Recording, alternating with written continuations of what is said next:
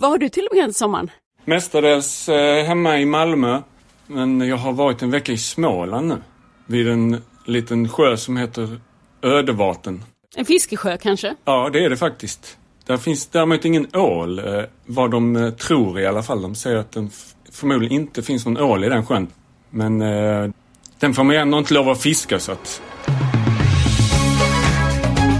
Pocketpodden. En podd för dig som älskar pocket. Ålar ska det handla om idag. De är svåra att greppa, såväl med näven som med det rationella tänkandet. Men om du släpper taget så kan den hemlighetsfulla ålen istället leda dig ut på existensens bråddjup. Det visar dagens gäst Patrik Svensson i sin bok Ålevangeliet. Och vi ska se om han slingrar sig idag. Och när vi ändå är inne på det existentiella, till kaffet blir det Albert Camus. En klassiker som fått ny luft under vingarna detta coronaår. Jag heter Lisa Tallroth och det är alltid kul att du är här. Nu drar vi igång.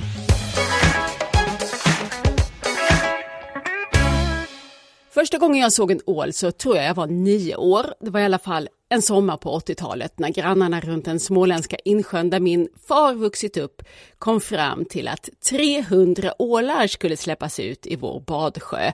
Och jag fick veta att just dessa ålar en dag skulle lämna vår lilla sjö och simma flera hundratals mil ut i världen, ut i Atlanten och vidare till det sagoklingande Sargassohavet. För där, och bara där, föds och dör alla ålar. Skulle jag tro på det? Hur skulle det ens gå till? Kulturjournalisten Patrik Svensson, han gör i detta nu stor internationell succé med boken Ålevangeliet.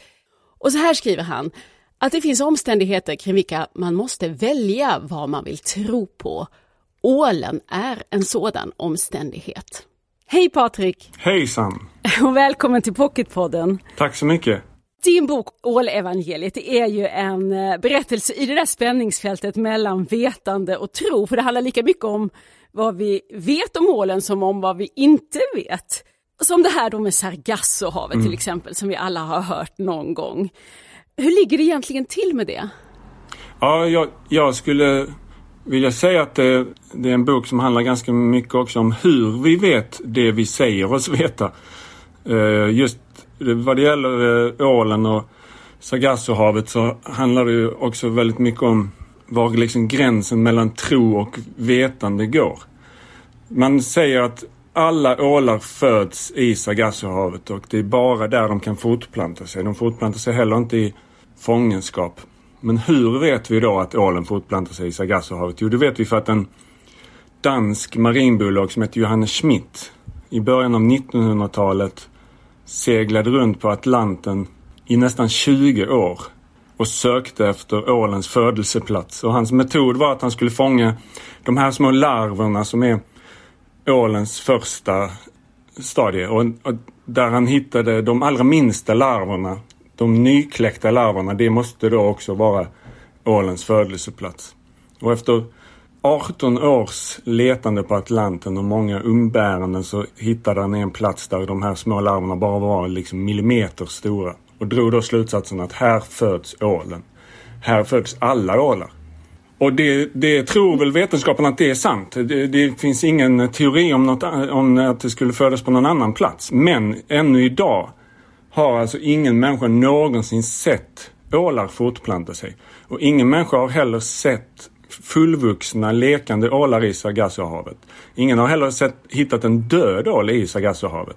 Men eh, allt talar för att ålen vandrar till Sargassohavet, fortplantar sig och sedan dör och att det bara sker där. Men, men eh, när vi säger oss veta det så, beror det, så, så bygger det alltså på Johannes Schmidts arbete och de slutsatser han drog av det. Och det säger någonting, tycker jag, om eh, vad kunskap är och hur kunskap uppstår och hur, var, eh, att den där gränsen mellan tro och, och, tro och vetande är ganska flytande så att säga.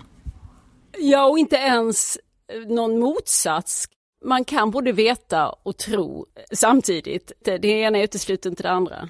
Nej, absolut inte. Och, och, men det är också att eh, kunskapen är, är inte binär så att säga. Som du säger, det, ibland har vi uppfattningen att antingen vet man eller så vet man inte. Men väldigt mycket av det vi säger oss veta om världen bygger ju på någon slags antaganden. Att man har forskat och dragit den naturliga slutsatsen utifrån eh, från de observationer man gjort. Men, men eh, om man skulle säga att att vi inte kan veta hur ålen fortplantar sig förrän vi ser det ske. Då, då, då kan vi inte säga att vi vet hur och var ålen fortplantar sig utan då handlar det om en slags tro. Och, och de där sakerna hänger samman ju och det, det är som du säger, det är ingen motsats mellan tron och vetande på det sättet. Men du är ju kulturjournalist, kulturvetare och sen har du ändå gett dig i kast med ett eh, delvis i alla fall naturvetenskapligt eh, ämne och boken innehåller ju absolut bägge dessa delar. Och vad tänker du, varför är ålen en så bra liksom, figur i skärningspunkten där, både mellan natur, kultur och tro och vetande? Jag är väldigt intresserad av naturvetenskap och jag är intresserad av den vetenskapliga historien så att säga. Men eh, just eftersom jag har väldigt mycket utgått från frågan hur vi vet det vi vet istället för att bara liksom berätta vad vi vet. Så blir det ju också väldigt mycket en bok om, om människan och om människans drivkraft att förstå och försöka förklara världen. Och då är ålen ett väldigt bra exempel för att, för att det visar sig att den vetenskapliga historien kring ålen är väldigt eh, lång och väldigt, en väldigt bra berättelse. Att människor ända sedan Aristoteles har kämpat med att försöka förstå sig på ålen. Massa namnkunniga forskare som har, som har studerat ålen och försökt förklara och, och begripa den. Och så ofta misslyckats. Det är också det som gör det till en bra berättelse att, att äh, ålen har varit otroligt svår att förstå sig på. Man har pratat inom naturvetenskapen om, om äh, ålfrågan som ett särskilt begrepp och som en särskilt svår nöt att knäcka liksom. Eh, det har handlat om eh, vad ålen är och eh, hur, hur den fortplantar sig, om den har könsskillnader, var den fortplantar sig. Och nu på senare år när ålen är på väg att dö ifrån oss, varför den dör ifrån oss. Jag, jag är väldigt intresserad av liksom berättelserna. Och, och, när man ställer den här frågan, hur vet vi det vi vet om ålen, så hittar man också väldigt många bra berättelse. Ja, det är väl själva det här mysteriet som ger ålen en existentiell dimension, tycker jag det verkar som. Det är liksom det, för dig är kanske poängen att vi inte vet. Skulle du vilja få alla svaren runt ålen? Ja, det, det, där, det där är ju dubbelt eftersom det, det finns en lockelse i det, i, det, i det gåtfulla och i det hemlighetsfulla och ålen är, är, har varit hemlighetsfull. Den har varit otroligt svårt att förstå sig på. Och det, finns, och det där finns ju kvar. Ingen människa har lyckats följa eh, en ål eh, hela vägen till Sargassohavet. Den där resan är fortfarande liksom odokumenterad. Och det finns fortfarande saker vi verkligen inte vet om ålen och det, det utgör en lockelse i sig. Och nu säger forskarna att ålen är på väg att dö ut och om vi ska kunna rädda den så måste vi förstå oss på den. Vi måste lösa de sista eh, gåtorna kring ålen om vi ska kunna rädda den. Och då, då, då blir det ett slags eh, dilemma ju. Vet vi ens att den håller på att dö ut? Ja, jo, jo, jo men det vet Borta är den! ja, men... det, det vet vi, men det, det är också en del av äh, ålens gåtfullhet. Att den håller sina hemligheter för sig själv. När man ska avgöra hur hotad en art är, så det normala tillvägagångssättet är att man ska räkna antalet eh, könsmogna individer på fortplantningsplatsen. Så då skulle man behöva eh, räkna vuxna ålar i Sargassohavet och eftersom ingen människa någonsin har sett en, en ål i Sargassohavet så är det ju ganska svårt såklart. Men då har man istället eh, räknat hur många glasålar som kommer tillbaks från Sargassohavet som når Europas kuster. Och då gör man bedömningen att eh, beståndet har minskat med över 95 procent sedan 70-talet bara. Så det är en otroligt dramatisk minskning. Och eh, ålen är, är listad som eh, akut hotad. Det är den ena historien i din bok Ålevangeliet och den andra, det varva kapitel här, handlar ju om din barndom och eh, framförallt om din pappa som du fiskade ål tillsammans med. Eh, det är precis lika stor del av den här slingrande historien, lika slingrande som en ål. Och berätta, berätta om din pappa, vem var han? Ja, min pappa var en, eh, en eh, bra pappa, en närvarande pappa. Han var, eh, arbetade som asfaltsläggare och var intresserad av naturen, av fåglar och fiskar och eh, det vi gjorde tillsammans när jag var liten var att vi eh, fiskade tillsammans och eh, oftast fiskade vi ål. Då fiskade vi sena sommarkvällar nere vid en liten å i nordvästra Skåne. Och det var alltid, var alltid bara han och jag. Och eh, de där kvällarna har kommit att bli väldigt eh, kommit att bli väldigt viktiga för, för mig och jag tror också för, för honom. För att det på något sätt blev vår gemenskap att, att fiska tillsammans. Och den där platsen har också blivit väldigt så här, viktig för mig. Satte ni ord på det någon gång att det här var er grej? Nej, det tror jag aldrig att vi gjorde. Det var outtalat så att säga. Jag minns de där eh, sommarkvällarna nere vid ån tillsammans med min pappa som, som ganska tysta. Vi, vi, vi pratade inte särskilt mycket. Och att det också var för att vi inte behövde prata. Vi, vi gjorde en sak tillsammans som inte krävde några ord liksom. Och platsen i sig liksom nästan krävde tystnad för det var en väldigt väldigt vacker eh, plats och eh, en plats där man eh, med mycket intryck, mycket ljud och eh, bilder och sådär som eh, det krävde tystnad för att man till fullo skulle ta in, tror jag. Och vad gjorde ni sen med ålen som ni fångade? Den åt min pappa upp. Han älskade ål. Han stekte den eller Men inte du? kokte den. Jag, tyck, jag var inte förtjust i ål när jag var mindre, nej. Men, men lärde du dig gilla ål sen som vuxen eller? Absolut, jag kan, rökt ål är, är jättegott ju. Men jag, jag, tycker inte man ska äta ål eftersom den är utrotningshotad. Så jag, ä, jag äter inte ål längre såklart. Det är en bok helt utan recept. Äh, det, det, det är det. Ja. Men men för, för det ligger ju ändå inte så himla långt tillbaka. Jag tittade i, när jag tog studenten så eh, fick jag den här Bonniers stora kokbok. Mm. En upplaga från tidigt 90-tal. Mm. Då började de med att berätta hur jag ska flå ålen. Och sen var det recept på hur jag kunde tillaga den på längden och tvären. Ja. Flera sidor. Ja. Och vad är det som har hänt på de här 20-30 eh, åren som, eh, som ålrecepten har försvunnit? Och ålen har försvunnit från våra matbord? Naturligtvis för att ålen har, beståndet har minskat med då uppskattningsvis 95 procent på den här tiden. I Sverige är det sedan 2007 eh, tror jag förbud för att fiska ål. Men då finns det då ett antal yrkesfiskare som eh, har, har specialtillstånd och fortfarande får äta ål. Så att om du hittar ål i butiken eller på en restaurang så är det, så är det ju eh, inte olagligt att, eh, att sälja den utan den är, kommer då förhoppningsvis från de här eh, fiskarna som har tillstånd. Jag såg, såg också för ett tag sedan en eh, restaurang som eh, serverade ål och på menyn stod det inom parentes odlad. Vilket då skulle göra det bättre på något sätt att äta odlad ål. Men det, grejen är att även all ål, även om den har växt upp i eh, en odling så är den ju viltfångad från början eftersom ålen vägrar fortplanta sig i, i fångenskap. Så all ål är, är född i Sargassohavet och är, och är fångad i det vilda. Och sen kanske har den fått växa sig stor på en odling. Tror vi. Ja. I alla fall. Ja. Mycket tyder på det. Saknar du att fiska ål?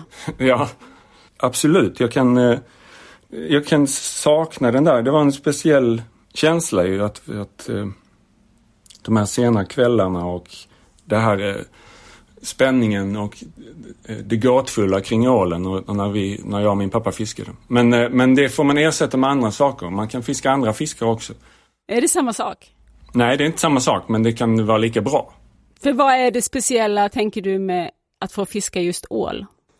Det, var, det har, hänger nog samman med äh, äh, att ålen är, är en väldigt speciell varelse.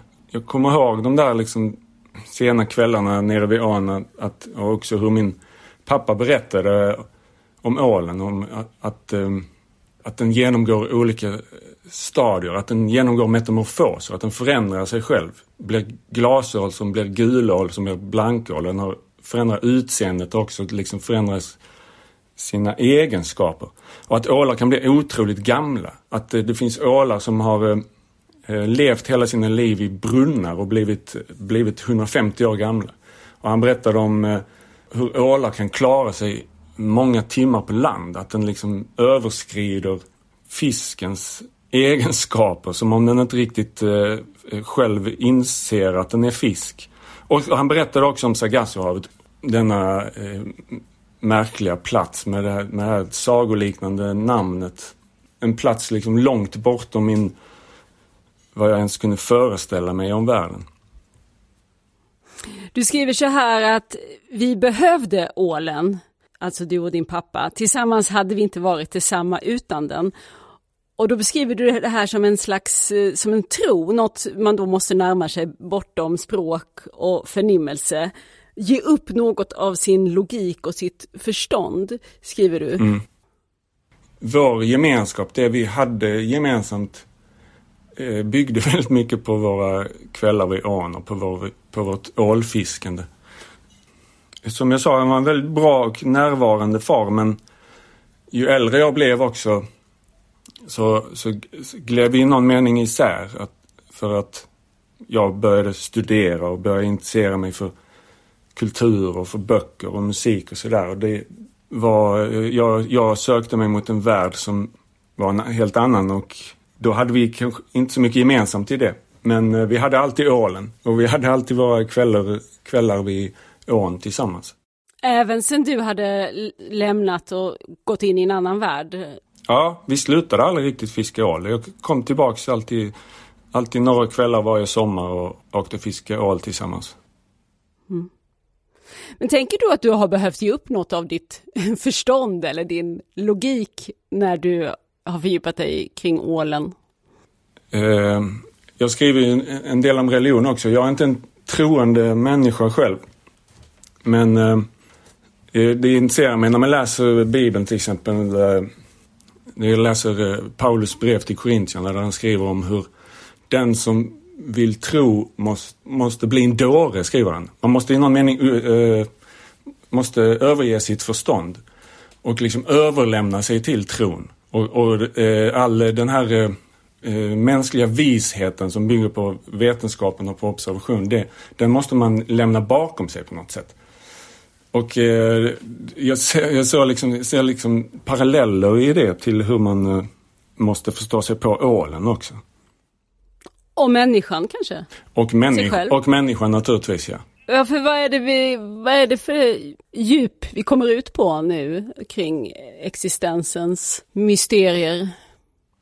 När jag började skriva boken så, så, så ville, jag, eh, vill jag skriva om, det, eh, om eh, mina egna erfarenheter av ålen mer som ett sätt att eh, komma nära ämnet. Men sen visade det sig ju längre jag kom i skrivandet att, att eh, de här två berättelserna, min egen personliga berättelser om de här kvällarna med min pappa och ålens historia och den vetenskapliga historien, att de på något märkligt sätt nästan speglade varandra. Och till exempel att den här resan som ålen gör den föds i Sargassohavet och driver liksom eh, maktlös med havsströmmarna, hamnar i Europa. Eh, hittar en plats att eh, leva sitt liv i sötvatten i någon å eller någon liten sjö. Och den där platsen verkar vara helt slumpmässig. Ålen söker sig inte till den platsen där föräldrarna har levt utan den hittar sin egen plats i livet. Och det där kan man ju liksom känna igen. Hur man driver med en stark ström och hamnar någonstans men sen försöker hitta sin egen plats i livet och eh, leva sitt liv där. Och ålen lever på en och samma plats eh, större delen av sitt liv och eh, kan då som sagt bli väldigt gammal. Men sen vid någon punkt i livet så måste den tillbaks till Sargassohavet. Den måste tillbaks till sitt eget ursprung. Och det, det där kan jag också känna igen hur man vid någon tid i livet får det här behovet av att återvända till sitt ursprung. Och det behöver inte vara bokstavligen men det kan, kan vara i tanken också att man behöver förstå var man kommer ifrån och vad det är som har präglat en och gjort den till den människa man är. Ja, för du använder ju Sargassohavet som en metafor också. Och i, bokens tack så skriver du om din egen familj som ditt eget Sargassohav. Mm. Och jag förstår det som ändå en plats liksom, som kombinerar ursprung och hem.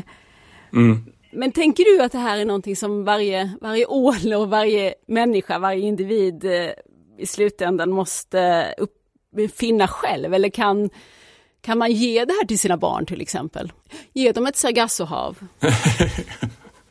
ja, men är det inte det man eh, försöker göra? Jag vet inte, men jag, jag tycker bara att den här eh, resan från och till Sargassohavet är ju någon slags bild eh, av livet. Och jag tror eh, att väldigt många har det där, eller får det där behovet vid någon tid i livet att, att eh, hitta sitt eget Sargassohav. Och det blev ju det när jag skrev den här boken och, och liksom behövde jag ju bokstavligen återvända till mitt ursprung för att minnas och beskriva det och, och då blev det ju själva skrivandet som en slags resa tillbaks till mitt eget Sargassohav.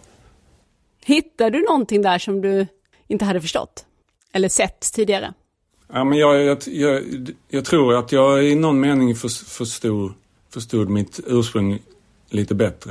Det här var ett slags minnesarbete. Jag behövde gå tillbaks i, i minnet och plocka fram de här händelserna och så. Och jag, jag, det är väldigt svårt att sätta ord på vad jag hittade för jag hittade väl ingenting som, som jag inte liksom eh, kände till sen tidigare utan allting fanns där i, i, hos mig själv. Men jag, jag tror att eh, jag på något sätt förstod bättre var, var jag kommer ifrån och vad som har präglat mig och kanske också förstod min eh, pappa lite bättre. Vad som gjorde honom till den han var. Ja, jag, funder, jag funderar på om du, om jag lite mellan raderna tänker att du hittade någon slags acceptans, att den här klassresan som du har gjort och som du är den första i din familj att göra i generationerna bakåt, så du beskriver inte den som så kom, sådär superkomplicerad. Jag har läst liksom mer komplicerade varianter av mm. att bryta upp från sin, eh, sitt ursprung eller sin hemmiljö och särskilt den där klyftan som kan uppstå när man plötsligt inte delar alls värld och referenser med sina föräldrar. Mm.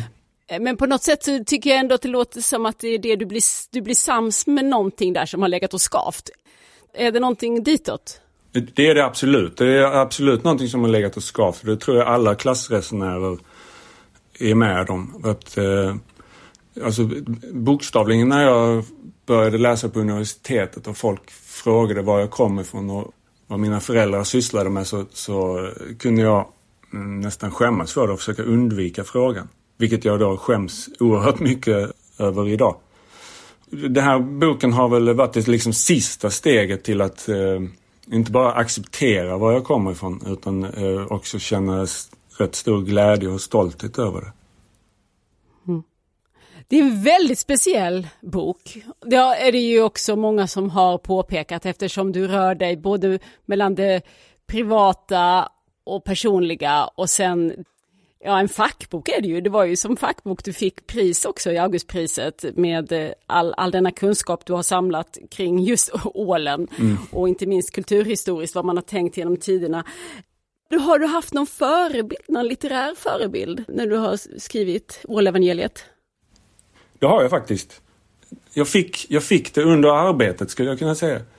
Jag hade läst Rachel Carsons Tyst vår tidigare men jag hade inte läst hennes tidigare böcker. Men eh, jag gjorde det för att eh, hon är en eh, viktig vetenskaplig författare under 1900-talet. Speciellt eh, väldigt kunnig om eh, havet och eh, hon var speciellt intresserad av ålen. Hon har inte liksom kommit med några vetenskapliga genombrott kring ålen men hon har skrivit en hel del om den. Och hennes eh, sätt att skriva om vetenskap och att skriva om naturen är, väldigt inspirerande för att hon, hon lyckades med det här att balansera väldigt stor och djup kunskap och allting bygger på liksom vetens, det vetenskapliga och är korrekt och sant men hon lyckas kombinera detta med ett nästan skönlitterärt språk där hon också tillåter sig att använda metaforer och gestaltning och sådär. Hon är ju också en figur i din berättelse eftersom det är många personer som har, har eh, försökt förstå sig på ålen och hon är en av dem som du berättar om här. Men du, jag tänkte eftersom recensionerna nu har varit så otroligt eh, överväldigande positiva så kan det väl ändå vara värt att påpeka att det fanns en och annan liten salt anmärkning också. Jag noterade en som kom från fisketidningen Njord. Ja. Det är ju då mm. yrkesfiskare som de vänder sig till. Ja. Och den recensenten tyckte att du gjorde ålen lite mer mystisk än vad den egentligen är. Ja. Vad har du att säga om det? Att jag eh, Undertiteln till boken är ju berättelsen om världens mest gåtfulla fisk och det, det, det var bland annat det som de invände mot att det finns ju det finns ju varelser i havet eh, som förmodligen som vi, eh, ingen människa någonsin har observerat. Man tror att det finns mängder med fiskar som, som vi inte ens känner till och i den meningen är ju ålen såklart eh, inte den mest gåtfulla. Men, men eh, om man Eh, lägger till den möda och den tid som människan under många hundra år har lagt ner på att försöka förstå sig på ålen. Och att det fortfarande då är så mycket vi inte riktigt vet om ålen och så många frågetecken kvar. Så tycker jag att man kan säga att det är världens mest gåtfulla fisk. Men det var en, det var en rejäl sågning den där recensionen. det var ju inte bara det här utan det var, de, de tyckte också att boken var inte bara trist utan också tråkig. Både trist och tråkig. Det var ett hårt omdöme. Ja, det var många och, hårda ord där. Men det var ju också från liksom en annan plats som den läsaren kom, för det var en liten notering om att det här var nog något som passade kulturfolket bäst. Men jag tänkte på att du är ju faktiskt själv inne på det där med det som då kallas för antropomorfism. Ja. Att det ligger så nära till hans att vilja besjäla djuren, att mm. överföra mänskliga egenskaper och känslor. Det gjorde ju då Rachel Carson till viss mån och du gör väl också det på sätt och vis eftersom du lyckas göra ålen till en, en huvudperson som träder fram ur sidorna. Ja, hur tänker du kring det där? Ja, men jag, jag, jag tvekade ju mycket kring det där om jag liksom överskred gränserna för vad man får göra när man skriver eh, vetenskapligt eller populärvetenskapligt. Att eh, jag liksom tillät mig att ställa frågor kring hur uppfattar ålen tid? Eller åldrande till exempel. Och jag, jag hade väl lite tvivel kring om jag kunde och fick göra sådär. Men, men där blev jag också väldigt inspirerad av Rachel Carson som också har skrivit om detta. Att det var inte så att hon liksom, när hon skrev om ålen så, så till exempel beskriva hur en eh, ål känner rädsla. Och, och det förklarar hon med att en ål Eh, känner naturligtvis inte rädsla som en människa gör. Men för att vi ska förstå beteendet så måste vi använda liksom mänskliga begrepp i någon mening. Och eh, hon var också... Hon skrev också om att man, eh, man ska inte vara rädd för att känna den här... Eh, eh känna förundran inför naturen eller inför djur. Man eh, måste tillåta sig att se på naturen med barnets blick. Den förundran som barnet eh, känner i mötet med naturen. Det är också där liksom fröet sås både till kunskapen men också till empati. Den där förundran kanske vetenskapen ofta försöker mota bort liksom för att man ska vara saklig och bara observera men hon menade tvärtom att den är viktig. Men jag funderar på om det också helt enkelt är vår mänskliga begränsning. Att vi kan inte förstå det här bortom våra egna begrepp.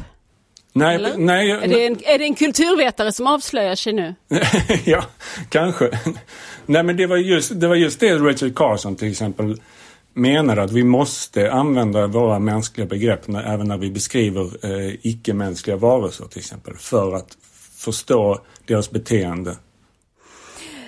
Ålevangeliet vandrar ju vidare över världen.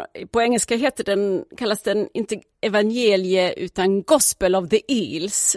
Men det är ju ungefär samma innebörd.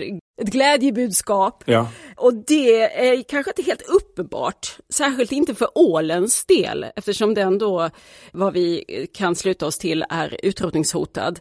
Så, så vad är det för glädjebud du har att komma med? Ja, det här är en bok som delvis handlar om äh, ålens utdöende. Det, det, är också en bok som handlar om äh, min pappas bortgång. Det är inte mycket till glädjebudskap kan man tycka. Men dels så menar jag att äh, det här är ju mitt evangelium över ålen för att jag vill, jag vill äh, liksom förkunna för världen vilken, vilken fantastisk äh, varelse det är. Och den här liksom märkliga slemmiga fisken som har funnits i vår närhet så länge och som många tycker är, är ganska obehaglig eller kanske äcklig. Att den, eh, vilken otrolig varelse det är och vilket eh, bevis på naturens eh, förunderlighet liksom. Och vilken otrolig resa den här fisken gör. Men sen är det också jag, jag är som sagt inte en troende människa men om man läser de kristna evangelierna så, så handlar de för mig i alla fall också ganska mycket om det handlar ju bokstavligen om döden men också om hur man hanterar döden. Och när Jesus säger till sina lärjungar att jag ska vara med er till tidens slut. Och Paulus skriver i sitt brev till Korintierna om hur döden inte är ett slut utan det är en förvandling och hur vi alla ska förvandlas.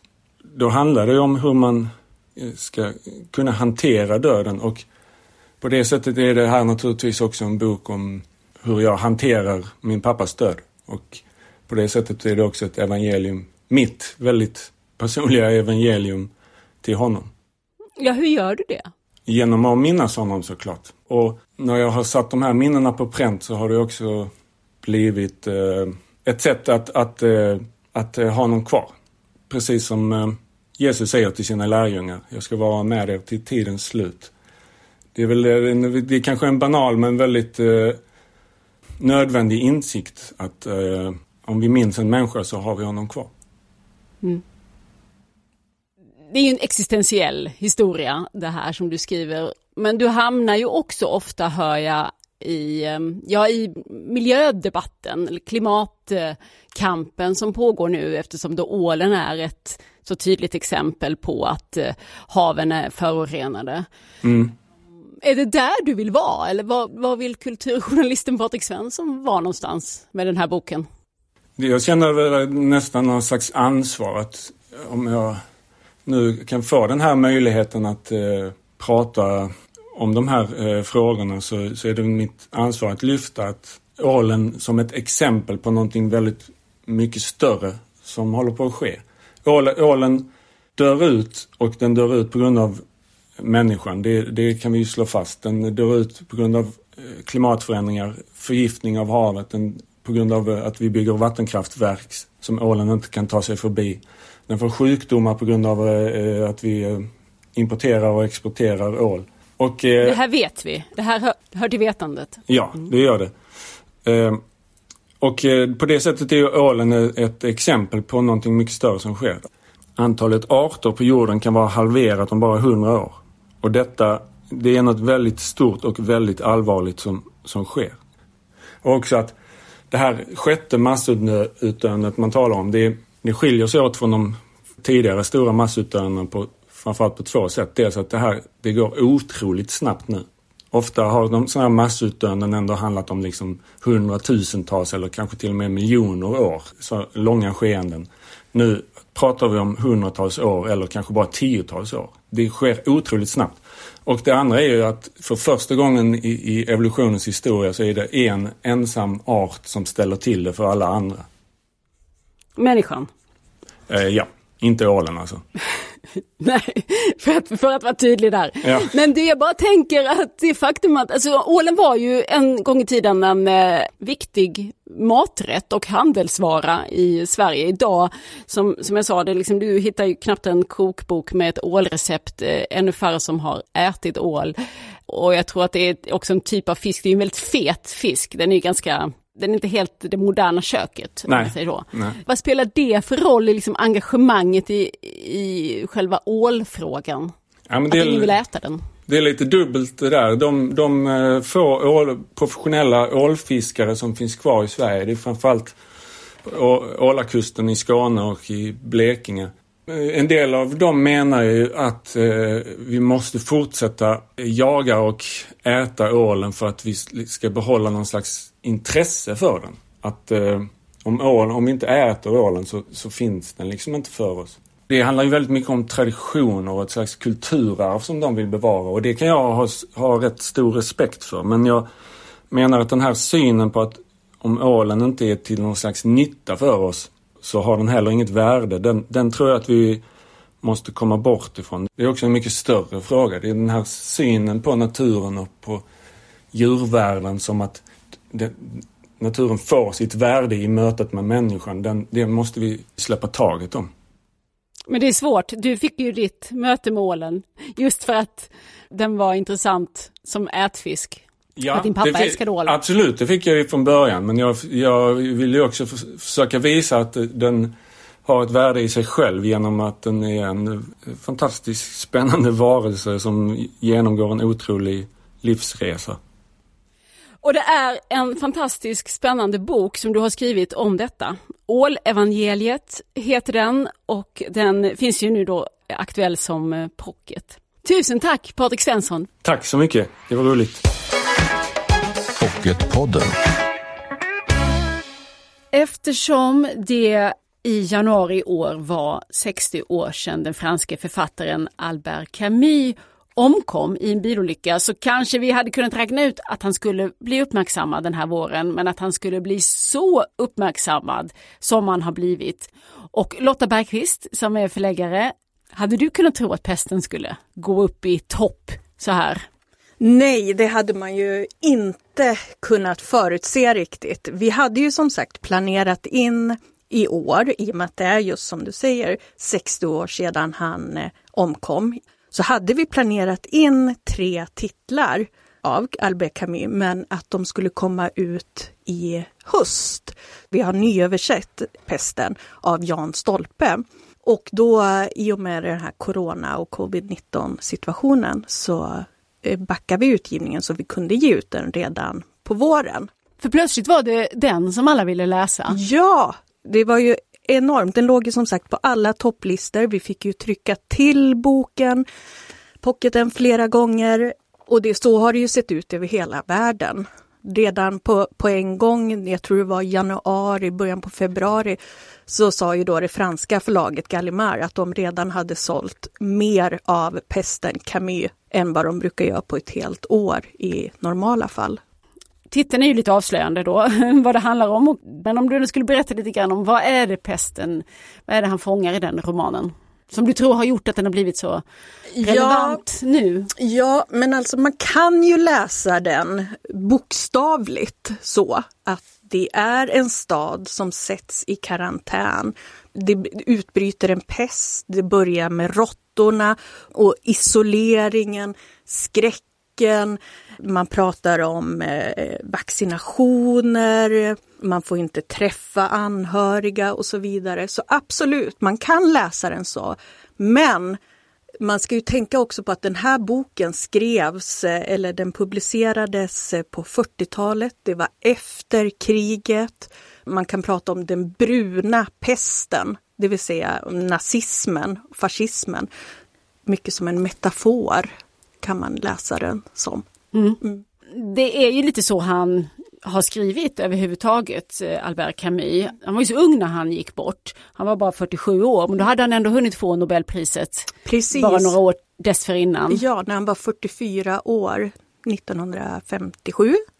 Och, eh, om vi ska placera in honom i litteraturhistorien. Ja men han, Albert Camus, han är ju en av de absolut största moderna författarna. Han eh, fick ju sitt stora genombrott 1942 då både Främlingen och myten om Sisyfos publicerades. Och Främlingen det anses ju som existentialismens absolut främsta verk och han var ju liksom on pair med Jean-Paul Sartre. Och där skriver han också om sitt, sitt förflutna och sin erfarenhet av att vara uppväxt i det koloniala Algeriet. Ja, precis. I Främlingen så huvudpersonen Meshaw eh, bor ju i Algeriet och den börjar ju med att han ska besöka sin eh, mor som har avlidit. Och han eh, sitter där på en likvaka och han gråter inte. Och sen då följer historien med att en granne som ber honom bevittna att eh, han, grannens hustru har varit otrogen och sen följer det här förloppet och det slutar med att han skjuter den här otrogna kvinnans bror på stranden och sen blir det en rättegång och det han främst döms för är hans likgiltighet. Så där finns ju det här stråket av absurdism också. Ja, ja. Och det kan man väl också, jag tänker i myten om Sisyfos, jag skulle verkligen kunna säga begreppet slow reading. Man pratar mycket om slow tv just nu.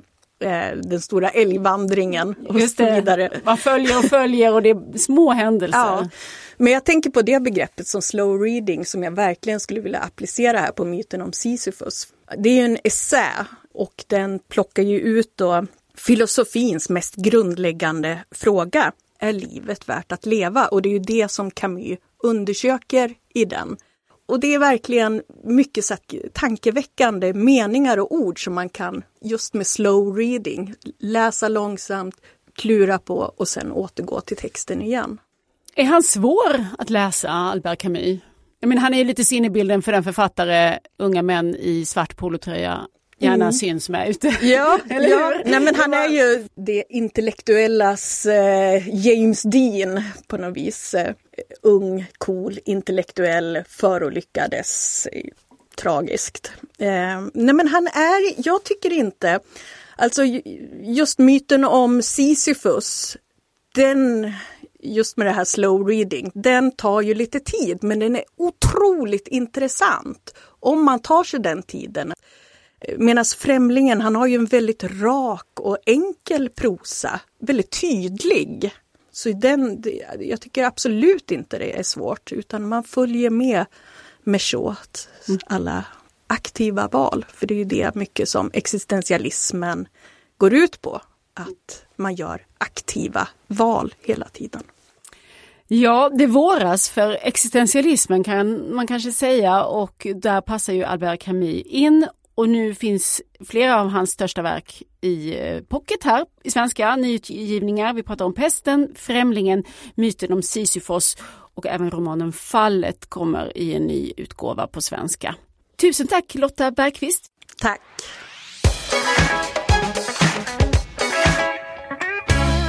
Nästa vecka gästar Åke Edvardsson Pocketpodden. Många känner ju honom genom deckaren Erik Winter, men i den senaste romanen Bungalow gör han något helt annat och enligt honom själv mycket svårare. Han vänder nämligen tillbaka till de egna rötterna och skuggorna i livet. Mer om det då. Tills dess, följ oss gärna i sociala medier. Där heter vi Älska Pocket och jag heter Lisa Tallroth. Hej då! Du har lyssnat på Pocketpodden. En podd från Bonnierförlagen.